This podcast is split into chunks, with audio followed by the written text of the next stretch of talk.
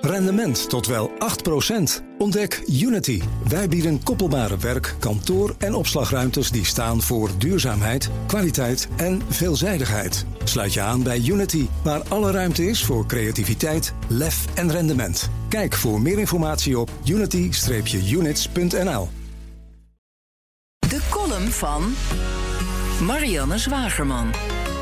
Kunnen ze niks anders verzinnen dan de derde herhaling van een documentaire over Mercury, mopperde ik op tweede kerstdag.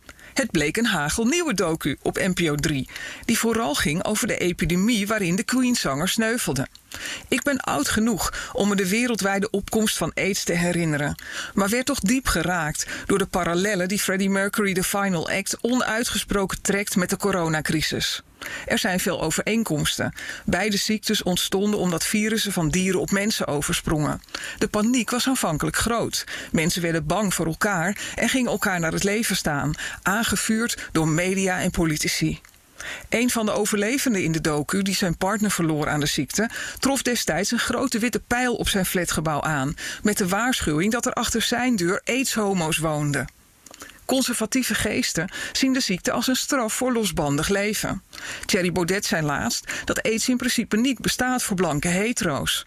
Als je in het goede werelddeel woont en toegang hebt tot medicijnen die er gelukkig snel kwamen, heb je nu inderdaad weinig te vrezen. Feit is dat aids wereldwijd nog altijd de belangrijkste doodsoorzaak is van vrouwen onder de 50 jaar.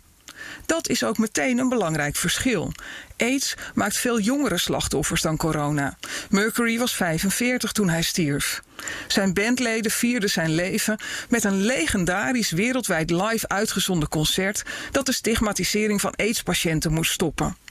De magie van live optreden voor 70.000 mensen deed zijn werk.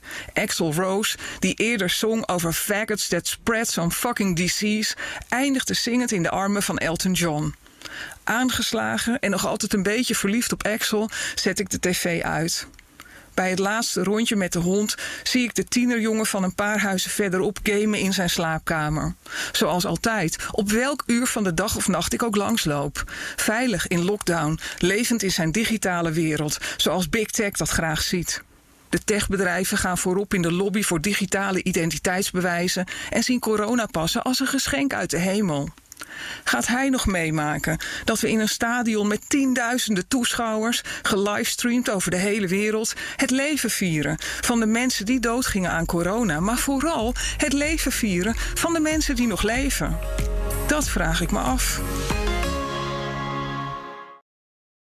Rendement tot wel 8%. Ontdek Unity. Wij bieden koppelbare werk, kantoor en opslagruimtes die staan voor duurzaamheid, kwaliteit en veelzijdigheid. Sluit je aan bij Unity, waar alle ruimte is voor creativiteit, lef en rendement. Kijk voor meer informatie op unity-units.nl.